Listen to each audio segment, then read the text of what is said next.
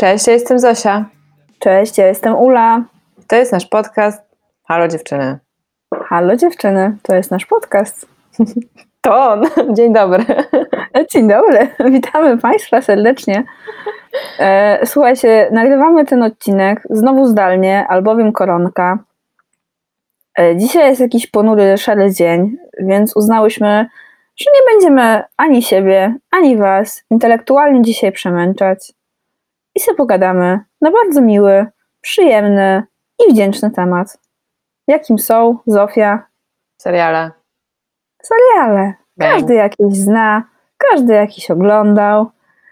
Każdy ma jakąś opinię na ich temat. I my dzisiaj sobie zaczniemy w tym temacie.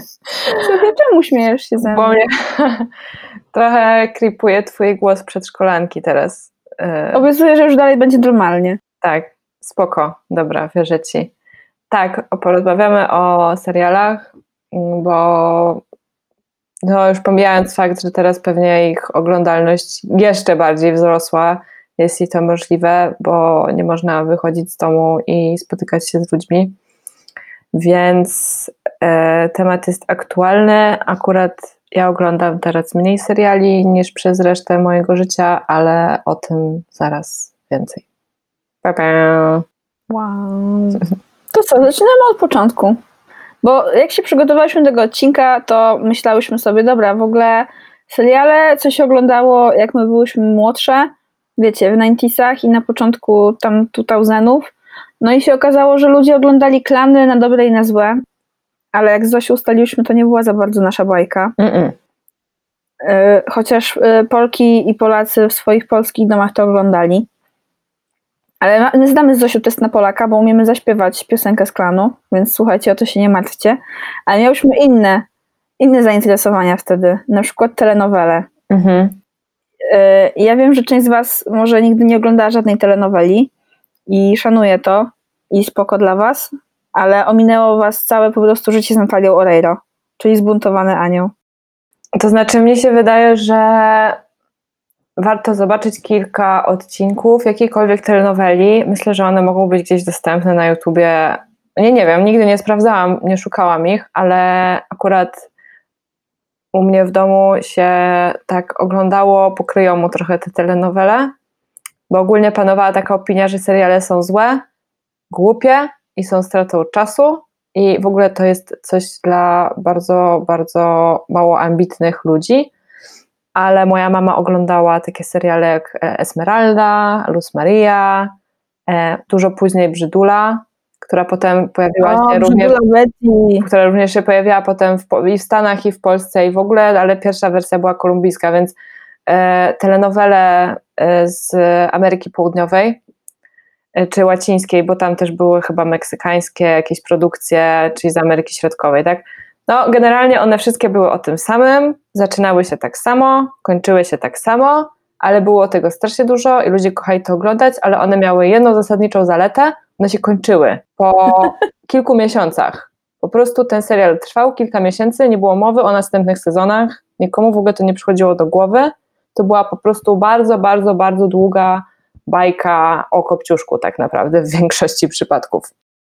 Tak, takim kopciuszku na, wiecie, sterydach z zanikami pamięci. Tak, bardzo, bardzo ważnym elementem prawie każdej telenoweli było e, porwanie, utrata pamięci, utrata wzroku, no generalnie jakieś takie po prostu straszliwie traumatyczne e, wydarzenia i zawsze, zawsze dobro wygrywało ze złem. Zawsze ta piękna, mądra, dobra, wrażliwa, inteligentna główna bo- bohaterka, bo zawsze bohaterką główną była jednak kobieta.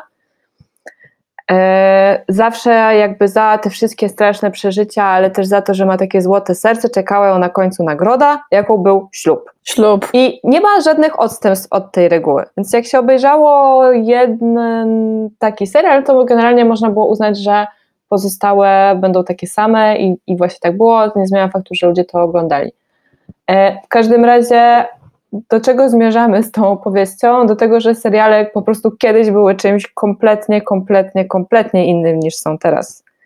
I nasze podejście do seriali się zmieniło, podejście świata do seriali się zmieniło, podejście aktorów do seriali się zmieniło i reżyserów.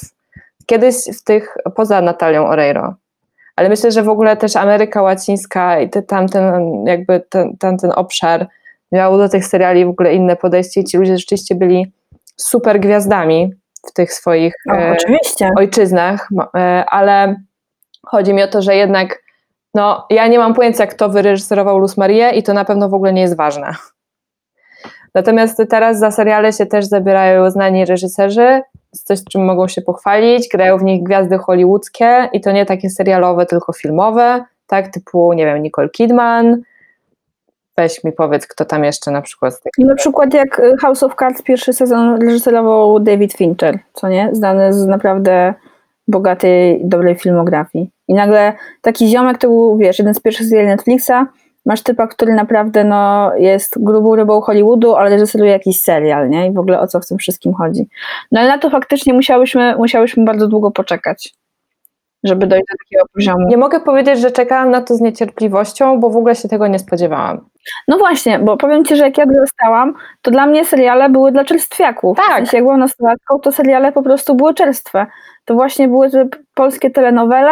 Pamiętam, że weszło chyba na wspólnej, gdzie znajdziemy miłość i dobro. No i jakby, no to było to samo co klan, tylko działo się w ładniejszym budynku, nie? Bo kręcili to w ładniejszym bloku i to było to taka różnica. E, Więc mi się zawsze seriale kojarzyły, że są strasznie czerstwe, i po prostu w ogóle nie są dla mnie, że ja nie jestem grupą docelową. Do czasu, aż to się zmieniło. Zmieniło się całkiem niedawno tak naprawdę, e, bo nadal w momencie, kiedy różne te amerykańskie, przynajmniej dla mnie się to późno zmieniło, kiedy te różne amerykańskie seriale zaczęły powoli przenikać do Polski, oczywiście nigdzie nie można ich było obejrzeć legalnie, trzeba było gdzieś tam je streamingować e, z jakichś podejrzanych linków w internecie, e, tak typu Gossip Girl na przykład, ale do telewizji trafili Lości, to był amerykański serial? To był amerykański serial, to był pierwszy serial, jaki ja w życiu oglądałam i się wkręciłam i to było wszystko wina e, telewizji publicznej. Ale wtedy zaczęło się trochę zmieniać podejście do seriali i ten serial Lost, on się całkiem niedawno skończył relatywnie. Co się, on się skończył 10 lat temu, To czy 11. to jest mimo wszystko całkiem niedawno. Z jedna trzecia naszego życia temu. No dobra, w takim razie czas po prostu biegnie bardzo szybko. E, I, to, I tutaj się zgadzam. I seriali jest coraz więcej w tym czasie. w każdym razie, no, w każdym razie, mimo że tych seriali było e, jakby coraz więcej się o nich rozmawiało i coraz więcej ludzi gdzieś tam próbowało je nielegalnie oglądać, e, bo po prostu one nie były inaczej dostępne, to nadal moje podejście było takie, że jest to jakieś odstępstwo od reguły.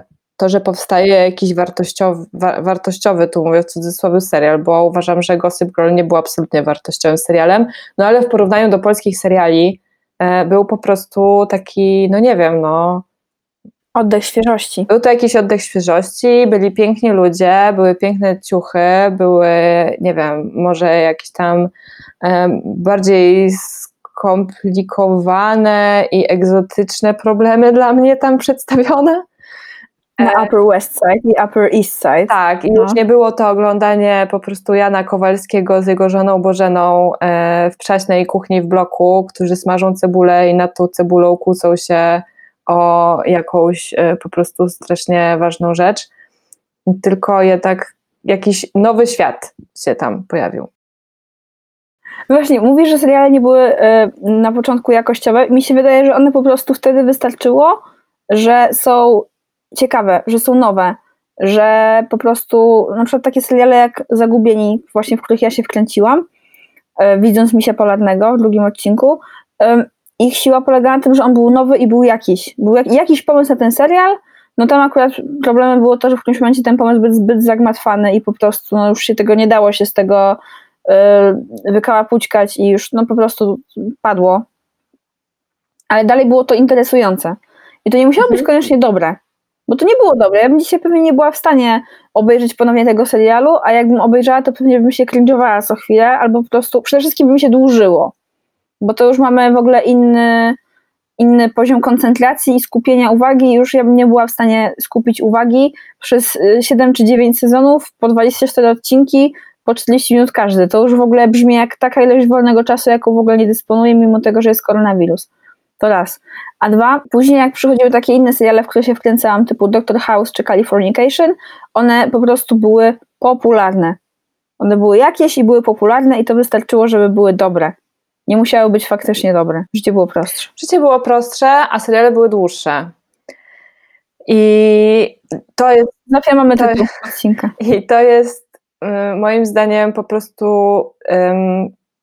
wydaje mi się, że filmy nie ewoluowały tak szybko, jak przez ostatnie y, właśnie 10 lat wyewoluowały seriale. Znaczy, właśnie z tasiemców, które miały po 5, 6, 10 sezonów, e, i każdy sezon miał tam, nie wiem, po naście odcinków, to wiecie, nawet taki serial jak Mad Meni to były sezony po kilkanaście odcinków, nie? Czyli po prostu to był, jakby była produkcja, z którą się człowiek wiązał na lata. E, Tak. Mimo wszystko wydaje mi się, że, to troszeczkę się zmienia, a na pewno sezony są krótsze. I może odcinki się wydłużają. Czasem w ogóle już e, nawet nie są dzielone seriale na sezony, tylko na części. Czyli na przykład masz część pierwszą, część drugą, część trzecią i każda załóżmy ma tam po 4-5 odcinków. E, więc na pewno to się skraca, a mam wrażenie, że też jednak jakość tych, znaczy nie, nie tylko wrażenie, no ale tak generalnie twierdzi świat i krytycy, jednak jakość tych seriali rośnie. E, Ja mam wrażenie, że te strasznie długie fabuły, które kiedyś były, po prostu sprawiały, że niemożliwym było utrzymanie dobrej historii. Tak jak mówisz z tymi lostami. Po prostu prowadzenie jakiejś historii przez, nie wiem, 10 lat e, sprawiało, że ona była kompletnie bez sensu i niespójna. I po prostu w ogóle po jakimś czasie nie wiadomo było, o co tam chodzi, ale przez to, że one tak długo wychodziły i w takich odstępach czasu jednak, to może to poczucie, że to jest bez sensu, się troszeczkę zatracało. Wiesz co, tak, ale teraz jak to powiedziałaś, to jeszcze miałam taki, taką refleksję, że lości trochę padli ofiarą internetu, ponieważ to był serial pełen takich, no wiecie, zagadek, tajemnic, nawarstwionych wątków i naprawdę dość skomplikowana była ta fabuła, jakby się ją rozpisało na kartce. To internauci, wiesz, jak miałeś rok odstępu, tam czy wiele miesięcy między sezonem a sezonem, to internauci po prostu robili wiwisekcję każdego odcinka, rozcinali go na części, szukali tutaj, aha, to się łączy z tym, to będzie tak, i oni po prostu rozkminili końcówkę tego serialu, zanim on miał realnie szansę się zakończyć. I to też była taka, wiesz, no, pięta achillesowa, której nikt nie przewidział. Dlatego dzisiaj jak na przykład wychodzą całe seriale czy sezony, one wychodzą od razu, no i sorry, nie masz tego, znaczy oczywiście nie wszystkie, tak, no bo to wszyscy wiemy, jak dużo zmienił Netflix i później za nim inne platformy streamingowe, ale nie masz w ogóle tej możliwości do takiego rozcinania tego serialu tak przyglądania się każdej rzeczy. Zresztą w sumie już nikt by chyba dzisiaj na to nie miał czasu tak bardzo. No jest tego za dużo zdecydowanie, e, aczkolwiek myślę, że nadal są jakieś friki, które e, oczywiście bez urazy, dla nich każdy ma swoją pasję, e, mówię to w pozytywnym sensie, e, które się takimi rzeczami zajmują i spoko. No i właśnie, Netflix. Netflix się pojawił i zmienił wszystko. Zmienił wszystko. Ja do Netflixa miałam dostęp troszkę wcześniejszą, był w Polsce po prostu, bo się zrzucaliśmy z znajomymi, jeszcze mieliśmy VPN, wszystko po to, żeby tylko oglądać właśnie e, wtedy wielki, egzotyczny, piękny i bogaty katalog Netflixa, którym dzisiaj jestem tak znudzona, że oglądam HBO Go. jak szybko zmieniają się czasy i teraz jak po prostu rozpieszczony jest konsument, konsumentka, jaką jestem ja. Ale tak, Netflix był po prostu czymś nowym, bo płaciło się tą kwotę miesięcznie i miało się dostęp do takiej bogatej biblioteki legalnych filmów i seriali. A później Netflix zaczął jeszcze robić swoje własne produkcje, więc to było coś interesującego, bo nie mogłaś tego zobaczyć nigdzie indziej. Jaki był pierwszy serial, jaki obejrzałaś na Netflixie?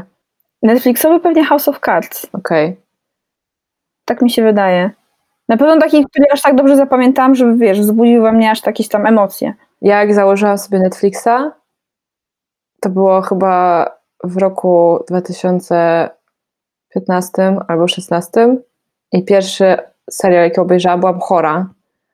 Byłam w domu i obejrzałam The OA i obejrzałam go cały, naraz. Bo wtedy zobaczyłam, że są wszystkie odcinki dostępne. Mhm. I wcześniej już oglądałam w ten sposób seriale, no bo bardzo, ja byłam bardzo opóźniona w tym względzie, więc jak zaczęłam oglądać Mad Menów, no to chyba, nie wiem, to było jakieś może dwa sezony przed zakończeniem w ogóle tego serialu. Więc miałam bardzo dużo do nadrobienia, tak, i po prostu oglądałam to też takimi maratonami ale e, było to męczące, ponieważ trzeba było szukać tych linków, żeby to było w miarę dobrej jakości, tak, to się cięło. Też e, po prostu e, bardzo dużo czasu zajmowało właśnie wyszukanie, wyszukanie tego serialu w internecie. A Netflix jednak gwarantował to w bardzo dobrej jakości. Ja obejrzałam The OA całe, po prostu będąc w szoku, że tak wyglądają seriale teraz, bo nie wiedziałam o tym, że można tak kręcić serial. I miałam całą noc koszmary po prostu, bo zbingowałam bardzo, bardzo dziwny serial. Nie wiem, czy ktoś z Was widział The OA, ale to jest bardzo dziwny serial. I byłam zła, jak skończyłam go oglądać, bo byłam w niego mega wkręcona, a kiedy on się skończył, to czułam tylko i wyłącznie pustkę, bo ten serial był o niczym i był głupi tak naprawdę ale był zrobiony takimi środkami i była w nim wprowadzona taka atmosfera, która jakby wprowadzała iluzję, że to jest dobre. I ja się dałam oszukać po prostu, że to jest dobra produkcja. Nie jest. Jest to słaba historia o niczym. Nawet już nie pamiętam do końca o co tam chodziło i straciłam na to właściwie cały dzień. Plus noc, bo nie mogłam spać, bo miałam koszmary. No i to jest właśnie, wydaje mi się, o czym mówisz, problem, jaki ja jako oglądaczka mam teraz, czyli jest taka nadprodukcja tych seriali i nie wszystkie są jakościowe i zdecydowanie nie wszystkie są warte mojego czasu, ale przez to, że są, to jakaś, wiesz, y, małpia albo jaszczurza część mojego mózgu chce je obejrzeć, mhm. bo one są. Tak. I jak Netflix zaczął wypuszczać całą masę swoich tytułów, to ja naprawdę chciałam obejrzeć każdy jeden, ale to okazało się być niemożliwe bo jak ma się życie, to takie prace i w ogóle inne rzeczy, nie, nie, nie zajmuję się zawodowo recenzją yy, seriali, no to ja nie mam czasu tego wszystkiego po prostu obejrzeć. I ja w którymś momencie czułam, że nie ogarniam. I nie po to, yy, nie po to płacę subskrypcję serwisu streamingowego, żeby jeszcze czuć się z tym gorzej.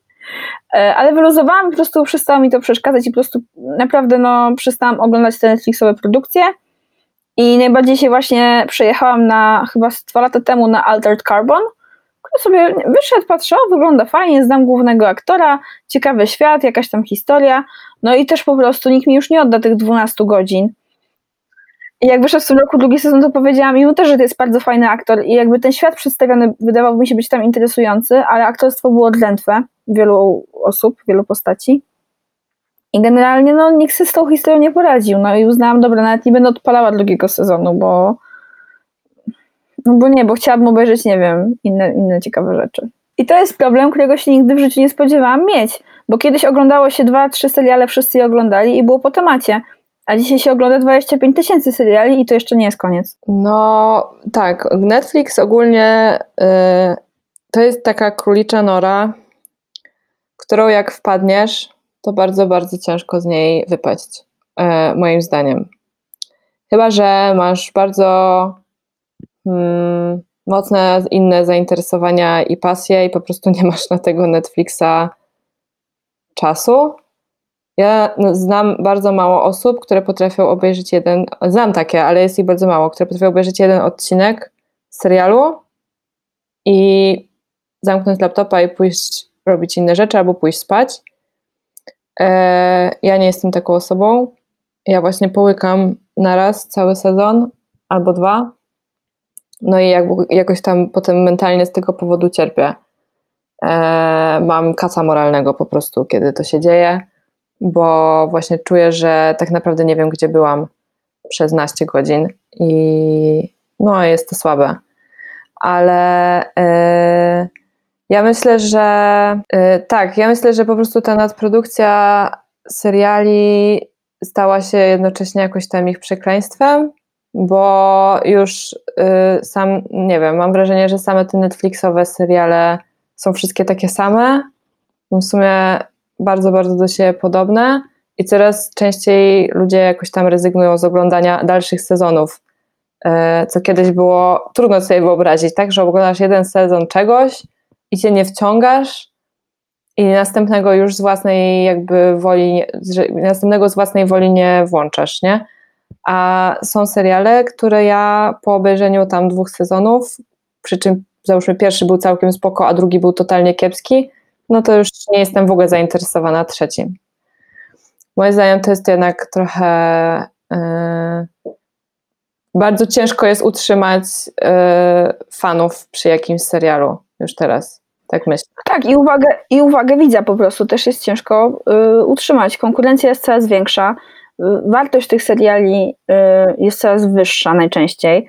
Budżety w to idą, gwiazdy właśnie w to idą, są przyciągane nazwiska tylko po to, żebyś wiedziała, dlaczego masz obejrzeć ten serial, tak? Na przykład właśnie tak jak mówiłeś wcześniej, jeżeli w serialu takim jakim na przykład są Big Little Lies, który jest bardzo dobrym serialem, który serdecznie wam polecamy, ale okej, okay, jeżeli macie w obsadzie Nicole Kidman, Reese Witherspoon, Dern, to to są takie nazwiska, które kojarzycie po prostu z kina i zebrać taką obsadę w jednym serialu, to wiecie, no połowa filmów nie ma takiej obsady, tak? A co dopiero dziesięcioodcinkowy serial, którego nakręcono dwa sezony, w którym jeszcze drugim gra Meryl Streep. Właśnie to chciałam powiedzieć. Podnieśli poprzeczkę, tak? Poprzeczka była zawieszona bardzo wysoko. Co musimy zrobić, żeby był drugi sezon? Bo to już nikogo nie zaskoczy, to już było. Napiszemy rolę dla Meryl Streep, Meryl Streep gra w naszym serialu, tak? Bęk, co będzie dalej? Czy w ogóle coś może być dalej? I to jest problem, że po prostu my oczekujemy coraz więcej. No, wiadomo, że wytwórnie, dystrybutorzy i tak dalej muszą walczyć o to, żeby nam dać to coraz więcej, żeby dostać nasze pieniądze. No i, i tak wiesz, no od kiedy świat tylko gra, trwa, Adam wciąż zawał gra, tylko to będzie Netflix i my, no. tak, to prawda.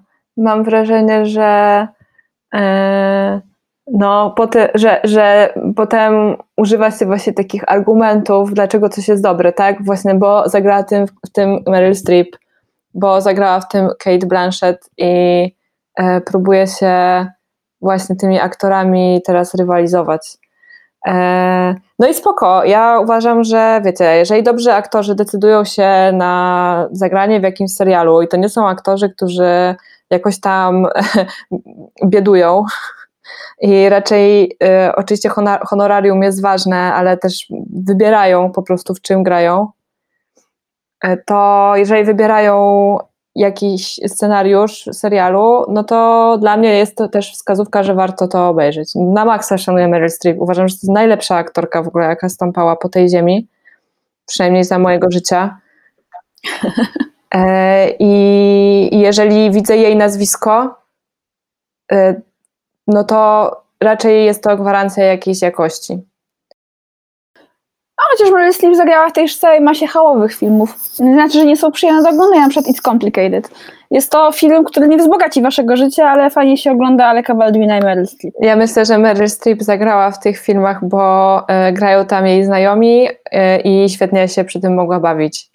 I to też widać, bo w Mama Mia na przykład widać, że ona się po prostu. O nie, nie, Mama Mia to jest genialny. Świetnie bawi. Przepraszam. Nie jest genialny, ale jest spoko.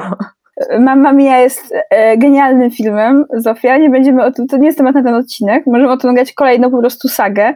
Dlaczego Mama Mia jest świetnym filmem? No właśnie, no i, e, i te wszystkie e, filmy walczą o nas z tymi obsadami, a przecież w sumie już ja i ty nie oglądamy serialu dla obsady. Najczęściej, nie? Dlaczego ty oglądasz w sumie teraz seriale? To znaczy tak, ja teraz raczej nie oglądam seriali, bo e, podjęłam tą decyzję podyktowaną moją sytuacją finansową, e, ale również miałam takie postanowienie, zanim zostałam zwolniona z pracy, miałam takie postanowienie, że przestanę subskrybować Netflixa. Chciałam sobie zostawić tylko HBO Go, finalnie zrezygnowałam z obydwu tych platform i od dwóch miesięcy po prostu nie mam do nich dostępu takiego od ręki. Jeżeli chcę, to oczywiście wielu moich znajomych i członków mojej rodziny, plus mój chłopak, bardzo chętnie udostępnią mi e, i Netflixa, i HBO, ale z premedytacją nie korzystam z tych przysług. Muszę powiedzieć, że moje życie jest lepsze od kiedy nie oglądam seriali, mimo że są seriale, o których wiem, że są dobre i trochę mi żal, że ich nie oglądam. Jeżeli bardzo będę chciała, to je obejrzę.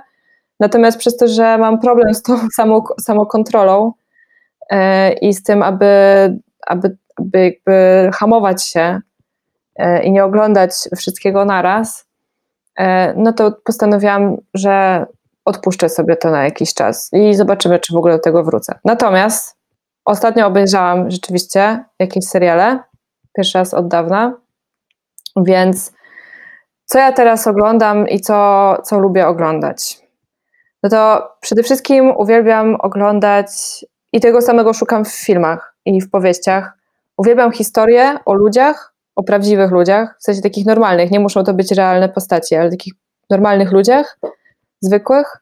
I interesują mnie ich emocje, y, relacje między nimi. Jakby dla mnie to jest budulcem dobrej historii. I przykładem takich seriali y, jest y, Easy. Ja w ogóle lubię miniseriale. Lubię seriale, które są krótkie, mają krótkie sezony. Jak w ogóle mają do tego jeszcze krótkie odcinki, no to już jest super, bo po prostu mam poczucie, że mniej mojego czasu zostało pochłonięte. E, jest taki serial na Netflixie, który nazywa się Easy. E, nie pamiętam, czy on ma dwa czy trzy sezony, możliwe, że trzy. Natomiast e, jest to trochę nietypowy serial, bo tam nie ma za bardzo zachowanej jakiejkolwiek ciągłości, ale może o tym trochę później. W każdym razie Easy to jest po prostu serial totalnie o, o relacjach międzyludzkich, tylko i wyłącznie.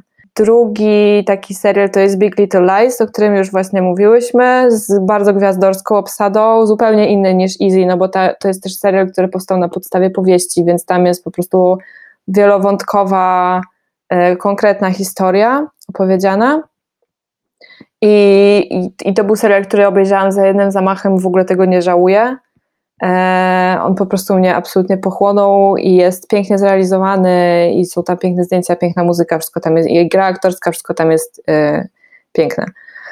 Bardzo lubię seriale, seriale, które poruszały jakieś konkretne problemy społeczne i właśnie jestem dosłownie świeżo po obejrzeniu serialu e, wypuszczonego przez Apple TV, serial pod tytułem The Morning Show. Myślę, że Apple TV nie jest takie powszechne w Polsce jak Netflix i HBO sensie, że nie tak dużo ludzi to, tego używa. Możliwe, że o tym nie słyszeliście, nie słyszałyście. E, jest to też dosyć gwiazdorska obsada, bo w serialu gra Jennifer Aniston, Reese Witherspoon, Steve Carell i jeszcze inni aktorzy znani nie tylko z małego ekranu. Ten serial jest o y, jakby śledztwie w sprawie molestowania seksualnego y, w popularnej stacji telewizyjnej. Bardzo emocjonujący, bardzo wstrząsający dla mnie serial.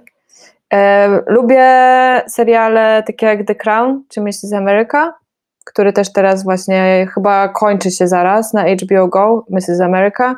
No i to są seriale, które po prostu traktują o, o rzeczach, które się działy całkiem niedawno, tak, w XX wieku. E, muszę przyznać, że mam dużą słabość do wszystkich plotek i historii o rodzinie królewskiej, brytyjskiej dlatego uwielbiam The Crown, ale jest to też bardzo ładnie zrealizowany i bardzo fajnie zagrany serial.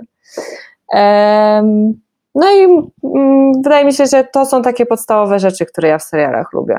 Nienawidzę, jak serial się kończy, sezon się kończy cliffhangerem. Uważam, że to jest po prostu brak szacunku do widza.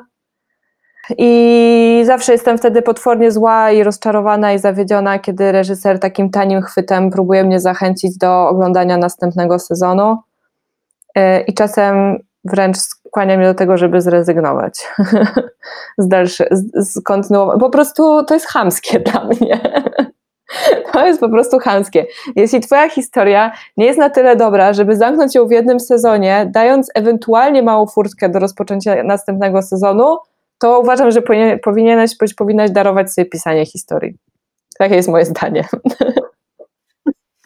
Zofia po prostu żelazną ręką. Tak, bo wiecie co, ja y, kochałam oglądać seriale, przez wiele lat obejrzałam naprawdę wiele seriali, obejrzałam bardzo dużo seriali, które nic nie wniosły w moje życie i nie szkodzi, na przykład były tylko śmieszne, jak The Good Place załóżmy.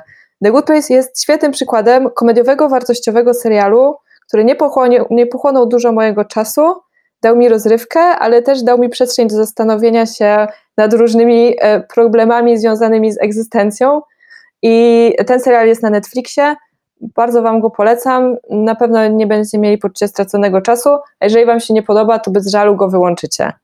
Bo on też nie jest aż tak wciągający, żeby nie móc się powstrzymać przed oglądaniem dalszych odcinków, moim zdaniem już się bałam, że powiesz, że Good Place jest tylko komediowym serialem i ja tak już, już, już, już lubiłam polemikę w mojej głowie. Nie, no przecież życie, śmierć, co się dzieje w ogóle, ale widzę, że jest git. Ja bardzo lubiłam Good Place. Nie, no, to jest jeden z moich ulubionych seriali. Fantastyczny serial. No i na przykład taki serial jak e, Grace and Frankie. Obejrzałam wszystkie sezony, które do tej pory były.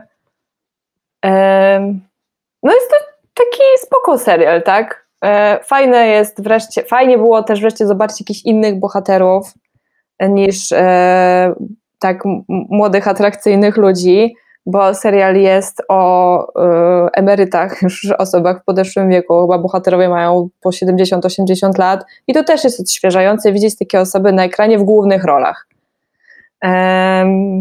Jest jeszcze jeden super dobry serial, już będę kończyć moją część serialową, e, który obejrzałam całkiem niedawno z polecenia naszej wspólnej koleżanki Wiśni. To jest e, Years and Years na HBO Go. E, poza Agnieszką nikt mi o tym serialu wcześniej nie mówił, nie mam z kim poza nią o nim porozmawiać, bo nikt go nie widział. Jest to rewelacyjny serial z Emma Thompson, który mówi o. To jest takie trochę future fiction, ale bardzo nieodległe future. Czyli powiedzmy przewidywania, jak może wyglądać świat przez następne 7 lat naszego życia. E, nie przewidziano tam co prawda epidemii, ale teraz jak zaczęła się epidemia koronawirusa, to cały czas myślałam o tym serialu. Cały czas o nim myślałam, bo tam się dzieją takie rzeczy, które nie są dalekie od prawdopodobieństwa. Jest to serial o przyszłości, ale na tyle nieodległej, że on nie traktuje tak jak inne seriale o przyszłości, e, głównie o technologii, jak ona nas zmieni i tak dalej, jak będzie wyglądało życie zdominowane przez technologię, tylko raczej jakie mogą się wydarzyć zmiany społeczne, polityczne na świecie. I yy, jest to bardzo ciekawe i dosyć przerażające. I właśnie przerażający jest ten element jakby dużego prawdopodobieństwa, że takie rzeczy się mogą i będą się prawdopodobnie działy. No już choćby zmiany klimatyczne, i to, że mamy największą od 100 lat w Polsce suszę, wskazują na to, że, że tak. W każdym razie polecam. Years and Years. E, polski tytuł to Rok za rokiem. Prawie nikt o tym nie słyszał, nie wiem jak to jest możliwe. Bierzcie to. No ja dziękuję Ci za to polecenie, aż sobie zapisałam w notateczkach, bo nie słyszałam o tym, a Emma Thompson jest e, brytyjskim skarbem narodowym generalnie. Gdybym miała być jedną osobą na świecie... Gra Wola w tym serialu, tylko Ci powiem. Wiecie, gdybym ja miała być jedną osobą na świecie, chciałabym być Emma Thompson. Ona jest o. po prostu genialna. Ona jest tak śmieszna i tak błyskotliwa, że naprawdę chciałabym, nie wiem, wiedzieć skąd to ma. No dobra. Teraz, teraz, teraz po tym, co powiedziałaś, myślę o Handmaiden, Handmaiden's Tale, którego ja nie widziałam, czyli właśnie o dystopijnej przyszłości, która tak naprawdę może się wydarzyć, ponieważ rzeczy w polityce. Tak, ja widziałam ten serial i jest on na maksa ciężki. Akurat cieszę się, że to jest serial, który po pierwsze wychodzi w odcinkach, e, które są co tydzień, bo to jest bardzo ciężkie do przetrawienia. I e, no i, no i w sumie tyle. No, mm, uważam, że ta historia już trwa za długo. To jest moje osobiste zdanie i, i w ogóle z wieloma serialami. Jakby ja wiem, że to są maszyny do robienia pieniędzy i spoko. Rozumiem to, każdy musi z czegoś żyć i, i twórcy seriali żyją z tworzenia seriali. Także okej, okay. natomiast też uważam, że przedłużanie historii jest jakimś brakiem szacunku właśnie dla widza i jego czasu, ale that's just me. Myślę, że po prostu spójność historii jest wy, na, wystawiona na duże szwank, jeżeli ją przedłużasz w nieskończoność.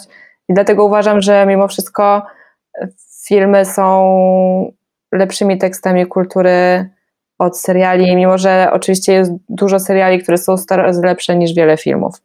Natomiast nadal zmieszczenie historii w dwóch godzinach, tak żeby ona była spójna, klarowna, budziła emocje i żebyś, żeby to, co robią bohaterowie, było wiarygodne, żebyś w ogóle wierzyła w ich pobudki, intencje, nie mając tak dużo czasu do dyspozycji, jak mają twórcy serialu, no to uważam, że jednak jest to wyższa sztuka. To powiedz mi, Ula, po moim długaśnym monologu, czego ty szukasz w serialach i co ty lubisz w serialach? Jakie ty seriale lubisz w ogóle? Poza tym, że wiemy, że konsumujesz ich bardzo dużo. Tak, właśnie jak mówiłam Zosi, jak się przygotowałyśmy do tego odcinka, wydawało mi się, że nie, nie oglądam tak dużo seriali, ale przez to, że zapisuję wszystko, co oglądam, to okazało się, że miałam błędne mniemanie o sobie i oglądam więcej seriali, niż bym podejrzewała siebie o to. Ale Czy chcesz się podzielić liczbami?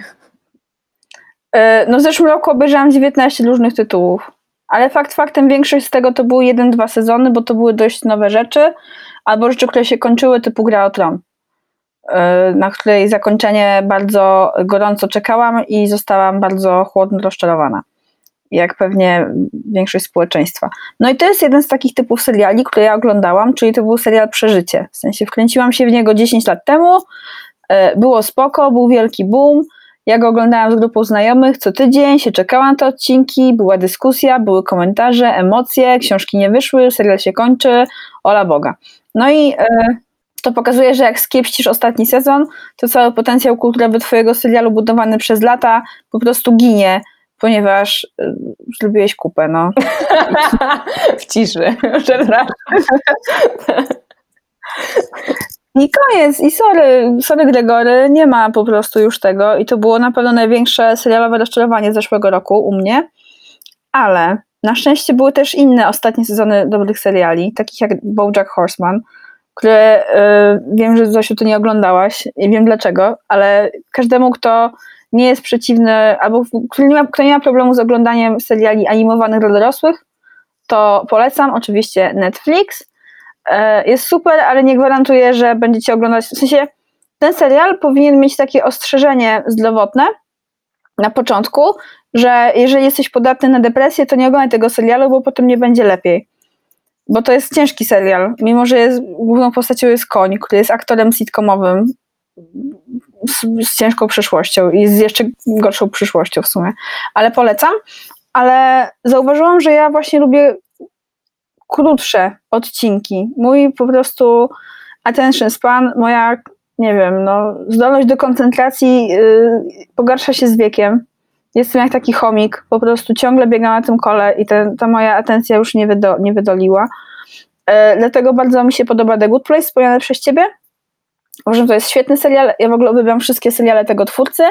Ziomek nazywa się Michael Schur i jeżeli kiedyś oglądaliście Parks and Rec, albo Brooklyn Nine-Nine, to jest to, to jest to typek, który przy tych serialach pracował i moim zdaniem to widać, bo to są najciekawsze seriale komediowe, moim zdaniem, naszego, naszych czasów. Ale, przynajmniej ze Stanów, o tak. Ale jest też inny serial, który uwielbiam, którego chyba już więcej nie będzie, czyli Fleabag. Jest to serial Brytyjki Phoebe Waller-Bridge, który powstał na podstawie jej takiej jednoaktowej e, sztuki, polecam każdemu i każdej osobie, yy, no jest po prostu super. I dla mnie to jest fajne właśnie w serialach, że są to często rzeczy, których w filmach nie widzimy. W sensie właśnie ta formuła filmu, o której powiedziałaś, jest super do wielu rzeczy. Ja kocham oglądać filmy, pewnie bardziej niż seriale, właśnie, bo później to przeżycie się za mną nie ciągnie przez 10 lat, tylko też mogę sobie szybko z tym przedilować. Ale takie rzeczy właśnie jak Fleabag czy BoJack Horseman, to tego w filmach moim zdaniem nie ma a jak jest, to jest słabo zrobione, a te seriale właśnie dają, mimo że są bardzo zwarte, to dają możliwość sobie trochę takiej ekstrapolacji w takich tematach. Ale w jakich tematach? Na przykład Fleabag jest o... Yy, jest po prostu o, ży o, życiu, o życiu laski po 30. I co się tam dzieje? Tutaj masz konflikt z rodziną, ale on jest tak zagrany i jest tak zrobiony, że bohaterka bardzo często łamie czwartą ścianę i po prostu patrzy się na ciebie jako na widza i mówi coś do ciebie. No i tego, wiesz, oglądanie półtora godzinnego filmu w ten sposób byłoby po prostu zbyt męczące i byłoby o niczym, co nie? Masz takie fiszki z jej życia. A to w formie serialu uważam, że sprawdza się po prostu doskonale, bo jest lekkie, zabawne, ale z drugiej strony naprawdę no, rozkminiasz o, o na przykład swoich relacjach z rodziną, czy o swoich relacjach z jakimiś partnerami i tak dalej. I o swoim podejściu do rzeczy. Mhm. Więc, więc to polecam. Ja w ogóle na przykład lubię też seriale do rozkminki, takie jak na przykład Mr. Robot albo Westworld, ale to są z kolei rzeczy, których ja nie jestem w stanie oglądać po sześć odcinków na raz, bo po prostu mózg by mi się przepalił. Więc to jest takie dobre, dobre do, do dawkowania sobie. No i tak, to pewnie mogłabym tak, wiesz, no jest cała masa świetnych seriali. Jest Sharp Object z Amy Adams, tak? Kolejna po prostu gwiazda z Hollywoodu, która nie wiem dlaczego jeszcze nie ma Oscara, jest po prostu bezbłędną aktorką i też zagrała w adaptacji książki, wydaje mi się, że to była książka, na HBO właśnie Sharp Objects. No super jest ta historia, tak? I w ogóle ja bardzo lubię oglądać kobiety na ekranie. Tak. I też cieszę się, że seriale dają całą masę możliwości, znaczy całą masę, wiecie, no jakąś masę możliwości, yy, żeby właśnie były seriale grane przez kobiety i żeby też były seriale tworzone przez kobiety. I ostatnim takim moim poleceniem jest serial Killing Eve. To jest serial o. No, historia jest po prostu z kosmosu, tak? Jest laska, która y, pracuje, powiedzmy sobie, chyba tam w dziale, nie wiem, ścigania seryjnych morderców czy coś takiego. Jest seryjna morderczyni, która zabija ludzi, tak? I jedna ściga drugą, jest w ogóle, wszystkie są tam elementy, po prostu wszystkie historie w jednej, ale jak oglądasz ten serial, to widzisz, że pisały go kobiety, że kręcą go kobiety, że grają tam kobiety, to też widzisz i to jest po prostu tak odświeżające dla mnie i tak przyjemne, że ja wybaczam po prostu różne dziwne rzeczy, które się w tym serialu dzieją, bo po prostu odczuwam ogromną przyjemność, jak go oglądam. Może właśnie dlatego w sumie oglądam seriale dla przyjemności, ale takie, żeby faktycznie być zadowoloną, a nie żeby czuć, jak, tak, jak ty mówiłaś, pustkę po 14 godzinach takiego binge'u, bo faktycznie to jest bardzo przytłaczające uczucie. No, nie polecam tego. Nie wiem, dla mnie to po prostu te koszmary, które później mam w nocy, to też jest. Nie wiem, coś jest ze mną nie tak. Ale y, w sumie to, co powiedziałaś, to jest prawda. Mam wrażenie, że łatwiej w serialach o y, silne, no niekoniecznie silne, po prostu ciekawe, złożone postaci kobiece, y, niż to było przez długi czas w filmach. I, I rzeczywiście ja chyba też głównie, najbardziej w każdym razie w pamięć zapadły mi seriale, w których głównymi bohaterkami są kobiety. E, szczerze mówiąc, no, może wstyd przyznać, ale ja rzadko sprawdzam, kto reżyseruje serial. Jakoś tam mało mnie to interesuje. E, ale, ale masz rację, że to też jest coś, co mnie na maksa w tych serialach pociąga i, i tak naprawdę jest wiele seriali, które teraz jak rozmawiamy, to ja sobie przypominam, gdzieś po prostu wyciągam z odmentów pamięci, że ja je widziałam, ale skoro one w tych odmentach pamięci gdzieś tam, wiecie, dryfują po prostu przy samym dnie, to znaczy, że to w ogóle nie było dla mnie ważne i właśnie nic mi to nie dało. No powiem Ci, że ja w sumie nie oczekuję już teraz od seriali jakiegoś tam, wiesz, wielkiego, wielkiego duchowego przeżycia. Fajnie, żeby właśnie coś ze mną zostało, tak jak po The Good Place na przykład, ale wydaje mi się, że ja już takie wielkie, wielkie rzeczy, znaczy wielkie, nie, nie są wielkie, ale jakieś takie ważniejsze dla mnie rzeczy jednak dalej yy, są w książkach. Jezu, jak to lamiarsko zabrzmiało. Nie, nie zabrzmiało tak. lamiarsko, ale wiesz co, a, a, właśnie ja tak nie mam. Ja, ja im jestem starsza, tym bardziej wymagam od czegokolwiek, do czego się zabieram, czytania, oglądania, słuchania, żeby to ze mną zostało, żeby to mnie wzbogaciło, dało mi e, coś dobrego, ważnego i no tak jak mówiłam, wczoraj skończyłam oglądać The Morning Show, nadal się po tym serialu nie do końca otrząsnęłam. Myślę, że będę o nim myślała bardzo długo, z wielu różnych powodów i, i właśnie czegoś takiego szukam we wszystkich tekstach kultury, łącznie z serialami. Kiedyś serial dla mnie mógł sobie lecieć w tle. Mogli to być Frenci, czy tam Teoria Wielkiego Podrywu, jakieś tam bzdury, cokolwiek, czy Seks w Wielkim Mieście. Kiedyś sprawiało mi to przyjemność, teraz mi już jej nie sprawia po prostu. I nie dlatego, że widziałam te rzeczy już kilka razy. E, po prostu żadnego nowego serialu tego typu też nie mam ochoty włączać w ogóle. No tak, ja się też nie deklaruję na tasiemce. Ani na tasiemce, ani na rzeczy, które są tylko i wyłącznie rozrywkowe. Nie chcę zabrzeć jak snopka. Ja lubię dobrą rozrywkę, ale, ale dla mnie dobrą rozrywką już też są rzeczy, które jednak mnie y, jakoś tam wzruszają i dotkną. I one nie muszą być potwornie smutne ani depresyjne. Tak jak mój chłopak się śmieje, że najbardziej lubi produkcje które dostały nagrodę płaczącej małpy w Pekinie, e, co jest cytatem z jakiegoś filmu, którego nie widziałam. Jak się nazywał ten film? A już wiem, Jaja w tropikach? Coś takiego. Tropic Thunder, no.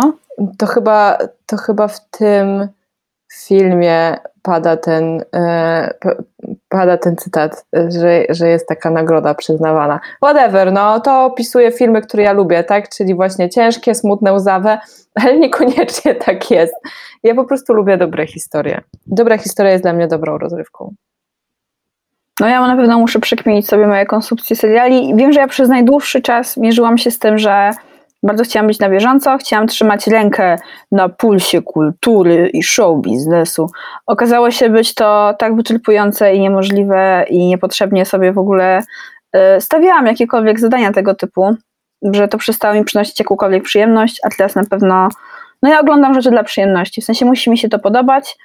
Jak na przykład wszyscy zachwycali się Casa del Papel, to ja po prostu musiałam to przerwać po oglądaniu pierwszego sezonu, czy tam pierwszej części, bo dla mnie to już była taka melodrama, która po prostu przeskoczyła samą siebie 15 tysięcy razy i no nie, no po prostu ja już nie byłam w stanie tego strawić, ale szanuję dużo rzeczy, ale myślę, gdybyśmy oglądali ten serial po angielsku, to byśmy wszyscy wyłączyli po dwóch odcinkach i to dlatego, że jest hiszpański i że oni tak pięknie wszyscy mówią i są tacy to po prostu dlatego to oglądamy.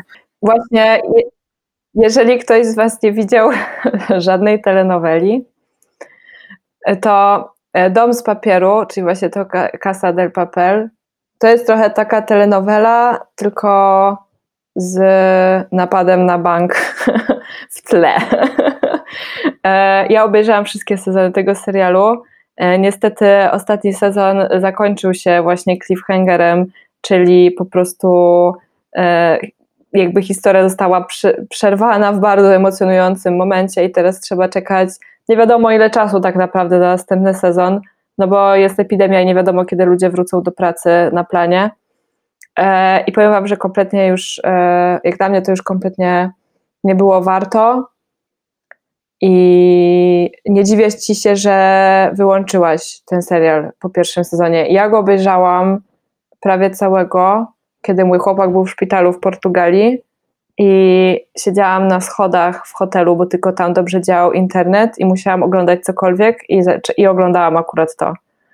E, no i obejrzałam to do końca, no.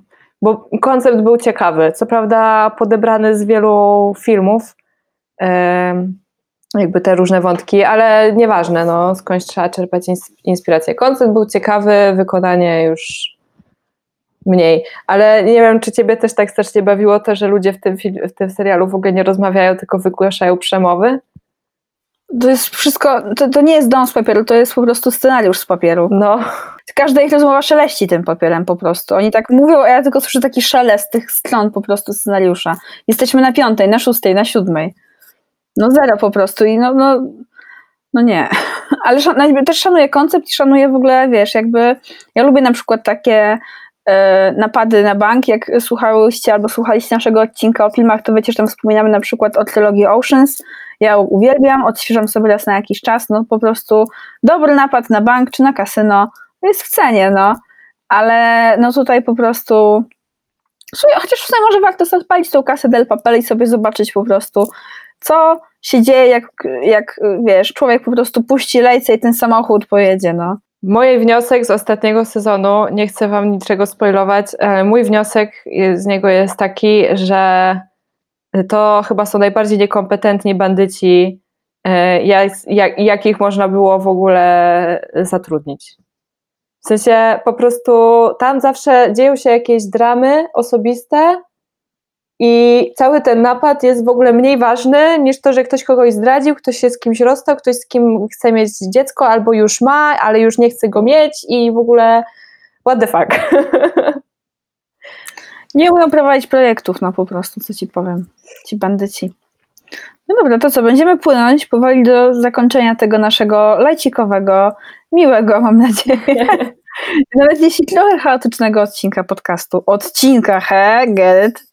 Tak, no. tak. Mamy nadzieję, że spędziłeś, spędziłyście pewnie w dużej mierze wy dziewczyny z nami czas, odświeżając sobie w głowie seriale, które lubicie. Może coś z tego, co myśmy polecały, będziecie chciały bądź chcieli obejrzeć.